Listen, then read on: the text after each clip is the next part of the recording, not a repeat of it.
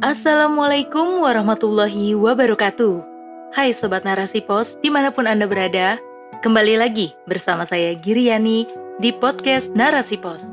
Narasipos.com, cerdas dalam literasi media, bijak menangkap peristiwa kunci. Rubrik Syiar. Keharusan mengamalkan ilmu oleh Maria Zawawi. Ilmu tanpa amal bagaikan pohon tanpa buah. Mungkin perumpamaan Arab ini sudah sering kita dengar, sebuah perumpamaan yang menggambarkan bahwa ilmu yang tidak diamalkan itu tidak akan memberi manfaat. Seperti sebatang pohon yang tidak memiliki buah, yang tidak mampu memberikan manfaat. Ada banyak hadis yang mengingatkan kita tentang hal ini.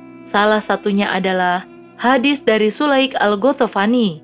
Melalui hadis ini, Rasulullah Shallallahu Alaihi Wasallam menyampaikan, apabila seorang alim yang mengetahui sesuatu, kemudian ia tidak mengamalkannya, maka ia bagaikan lampu yang menerangi manusia dan membakar dirinya sendiri.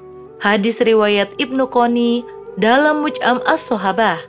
Mengapa Rasulullah menyatakan hal ini? Sebab pada hakikatnya tujuan dari mempelajari ilmu ada dua, yakni mengamalkan dan mengajarkannya kepada manusia. Maka saat seseorang mempelajari suatu ilmu, hendaknya ia mengamalkan ilmu tersebut. Tak cukup dengan hal itu, hendaknya ia juga mengajarkannya. Dengan mengamalkan dan mengajarkannya, ilmu yang kita miliki akan terjaga, bahkan ilmu itu akan bertambah. Saat kita mengamalkan dan mengajarkan ilmu, kita akan mengetahui mana yang belum kita pahami, maka kita akan berusaha untuk memperdalam pemahaman kita. Karena itu, Ibnu Abad radhiyallahu anhu, seorang tokoh sufi dari Spanyol mengatakan, siapa saja yang mengamalkan ilmu yang diketahuinya, Allah akan menunjukkan pada apa yang tidak diketahuinya. Ada banyak nas yang mencela mereka yang berilmu dan mengajarkannya, tetapi ia sendiri enggan untuk mengamalkannya. Di dalam Al-Quran, surat As-Sof ayat 3 disebutkan, Amat besar kebencian Allah jika engkau mengatakan sesuatu yang tidak kau amalkan. Jika ada orang yang mempelajari ilmu dan mengajarkannya kepada orang lain, tetapi ia sendiri tidak mengamalkannya, ia akan mendapatkan azab dari Allah. Rasulullah Shallallahu Alaihi Wasallam bersabda, orang yang mendapatkan azab paling berat pada hari kiamat adalah orang yang berilmu, yang Allah tidak memberi manfaat pada ilmunya. Dalam sebuah hadis yang panjang dikisahkan, bahwa pada hari kiamat ada seseorang yang didatangkan, kemudian ia dilemparkan ke dalam neraka. Kemudian ususnya terburai, orang itu berputar-putar seperti keledai memutari penggilingan yang diputarnya. Lalu, para penghuni neraka pun berkumpul di sekitar orang itu dan bertanya, "Wahai Fulan, ada apa denganmu? Bukankah engkau dulu memerintahkan kepada kami untuk berbuat baik dan melarang kami berbuat mungkar?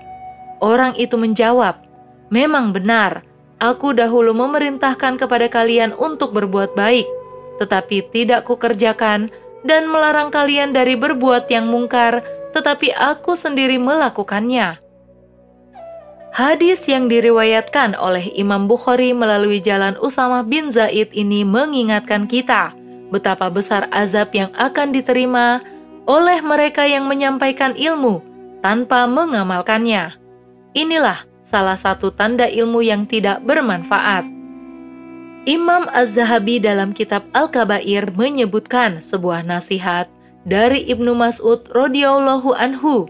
Ibnu Mas'ud radhiyallahu anhu berkata, "Siapa saja yang mempelajari ilmu tanpa mengamalkannya, maka tidak menambah bagi dirinya kecuali kesombongan." Agar kita mengamalkan ilmu, maka kita harus melakukan dua hal ini. Pertama, kita harus mempelajari ilmu dengan metode talakian fikrian, yaitu metode belajar yang dilalui dengan proses berpikir. Dengan metode ini, ilmu yang kita pelajari tidak sekedar pengetahuan bagi kita, namun ilmu itu akan menjadi mafhum atau pemahaman di dalam benak kita. Dengan demikian, kita akan berusaha untuk mengamalkan ilmu tersebut. Berbeda halnya jika ilmu itu hanya sebatas pengetahuan bagi kita, kita tidak akan berusaha untuk menerapkannya, sebab kita tidak benar-benar meyakini kebenarannya.